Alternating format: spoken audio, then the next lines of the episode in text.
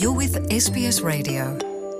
መንግስቲ ብሪጣንያ ንሆንግ ኮንግ ናብ ቻይና ካብ ዘረክባ 25 ዓመቱ ብሓደ ሓምለ ተጸንቢሉ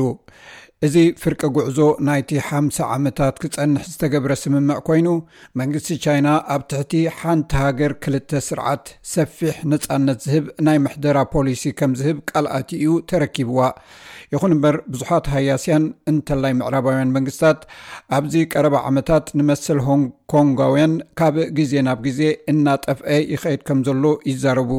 ሰበስልጣን ሆንግ ኮንግን ቻይናን ነዚ ጠለባት ግና ይነፅግዎ እዚ ስዕብ ትንታኔ ነዚ ክጥምት እዩ ብሪጣንያ ተመሓድራ ዝነበረት ሆንግ ኮንግ ናብ ቻይና ካብ ትምለስ 25 ዓመት ዝዝክር ፅምብል ኣብ ሆንግ ኮንግ ክካየድ ቀኒዩ ኣብ መራኸቢ ብዙሓን ቻይና እታ ከተማ ካብ ግዝኣት ብሪጣንያ ናብ ሃገራ ክትምለስ ከላ ዘርኢ ዘንፀባርቕ ዛንታታት ክዝርጋሕ ቀኒዩ ይኹን እምበር ንገለቶም ስርዓት ኮሚኒስት ቻይና መብፅዓታቱ የፍርስ ከም ዘሎ ዝኣምኑ ሰባት እዚ በዓል እዚ ዝበዓለሉ ኣጋጣሚ ኣይኮነን ይብሉ ኬቨን እያም ኣብ ሆንግ ኮንግ ንክልተ ዓመታት ድሕሪ ምፅንሑ ኣብዚ ቀረባ እዋን ናብ ሜልበርን ዝተመልሰ ናይ ቀደም ጠበቓን ተቃዋምን እዩ ሆንግ ኮንግ ቀንዲ ማእከል ንግዲ ብምዃና ነታ ወርቂ ዝኾነ እንቋቑሖ ትወልድ ደርሆ እዮም ዝቐትሉ ዘለዉ ይኹን እምበር ነቲ ንከም ቲበት ንሽንጂንግ ርእሰን ክመሓድራ ዝህብዎ መብፃዕታት ክትርኢ ከለኻ ዘገርም ኣይኮነን ኣብ ዝሓለፈ ክልተ ዓመትን መንፈቕን ሰባት ተቃውሞኦም ንምግላፅ ናብ ጎደናታት ሆንግ ኮንግ ወፂኦም ተቃውሞኦም ኣስሚዖም እዮም እቲ ፅላል ሰውራ ተባሂሉ ዝፍለጥ ንህዝባዊ ተቃውሞ ኣብ 214 እዩ ተባሪዑ እዚ ዝኾነሉ ምኽንያት ቻይና ሆንግ ኮንግ እትመርፆ መራሒ ካብቲ ቤጂንግ ብመንግስቲ ተቐባልነት ዘለዎም ኢላ ተቕርቦም ሕፁያት ክመርፅ ምስ ኣገደደት እዩ ድሕሪኡ ድሕሪ ሓሙሽተ ዓመት እታ ግዝኣት ዓመፅ ዝተሓወሶ ብዙሕ ናዕብታት ኣርእያ እቲ ድሒሩ ክሰሓብ ዝተገብረ ኣብ ሆንግ ኮንግ ዝተፈፀመ ገበን ኣብ ቻይና ከይዱ ክፍረድ ዘግብር ሕጊ ዓቢ ናይ ሓፋሽ ምንቅስቓስ ተቓውሞ ብቕልጡፍ እናዕበዮ ከይዱ። ካብ ሰነ 220 ኣትሒዙ እቲ ኣብ ጎደናታት ዝግበር ዝነበረ ተቓውሞታት ደው ከም ዝበለ ተመራማሪ ኣብ ዩኒቨርሲቲ ጆርጅ ታውን ዝኾነ ኤሪክ ላይ ይገልጽ። እቲ ሕጊ ሃገራዊ ድሕነት ንፖለቲካዊ ገበናት ዒላማ ዝገበረን ንፖለቲካዊ ተቃውሞታት ዒላማ ዝገበረን እዩ እዚ ኣብ ሲቪካዊ ማሕበራትን ውልቀ ሰባትን ሓያል ፅልዋ ኣሕዲሩ እዩ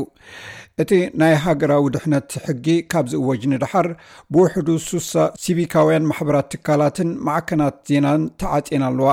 ኣብዚ እዋን ሆንግ ኮንግ ብነፃነት ፕረስ ኣብ ዓለም ኣብ መበል 148 ደረጃ ተሰሪዓ ኣላ እዚ ከዓ ኣብ ዓመት ዳርጋ ብሰ ወሪዳ ኣላ ኣስታት 200 ዝኾኑ ሰባት ኣብ ትሕቲ እቲ ሕጊ ክእሰሩ እንከለዉ ብዙሓት ካብኣቶም ከም ጀሽዋ ወንግን ናይ ፖፕ ደራፋይ ደንስ ሆን ዝኣመሰሉ ውርያት ነጠፍቲ ፖለቲካ ተታሒዞም ኣለዉ ቻይና ኣብ 997 ነታ ግዝኣት ክትርከባ ከላ ሙሉእ ዲሞክራሲ ክትረክብ ከም ቀንዲ ሽቶ እኳ እንተተመባፅዐት እቲ ኣብ ምርጫ እተገብረ ምቅያራት ግን ኣብ ሆንግ ኮንግ ሕጋዊ ክትዓት ጸጥ ከም ዝብል ተገይሩ እዩ። ተቓወምቲ ፖለቲከኛታት ዝበሃሉ የለዉን፣ እቶም ዘለዉ እውን እቶም ብመንግስቲ በይጂንግ ከም ሓርበኛታት ጌርካ ዝረኣዩ ጥራይ እዮም። ሰበስልጣን ቻይና እቲ ስርዓት ካብ ቅድሚ ሕጂ ንላዕሊ ዲሞክራስያዊ ከም ዝኾነ ይዛረቡ፣ ከምቲ ፕረዚደንት ቻይና ሺ ጂፒንግ ኣብቲ እተገብረ ፅምብል ዝበሎ እቲ ሕጊ ፀጥታ ርግኣት ኣምፂኡ እዩ ክብል ብተደጋጋሚ ከጉልሕ ተሰሚዑ።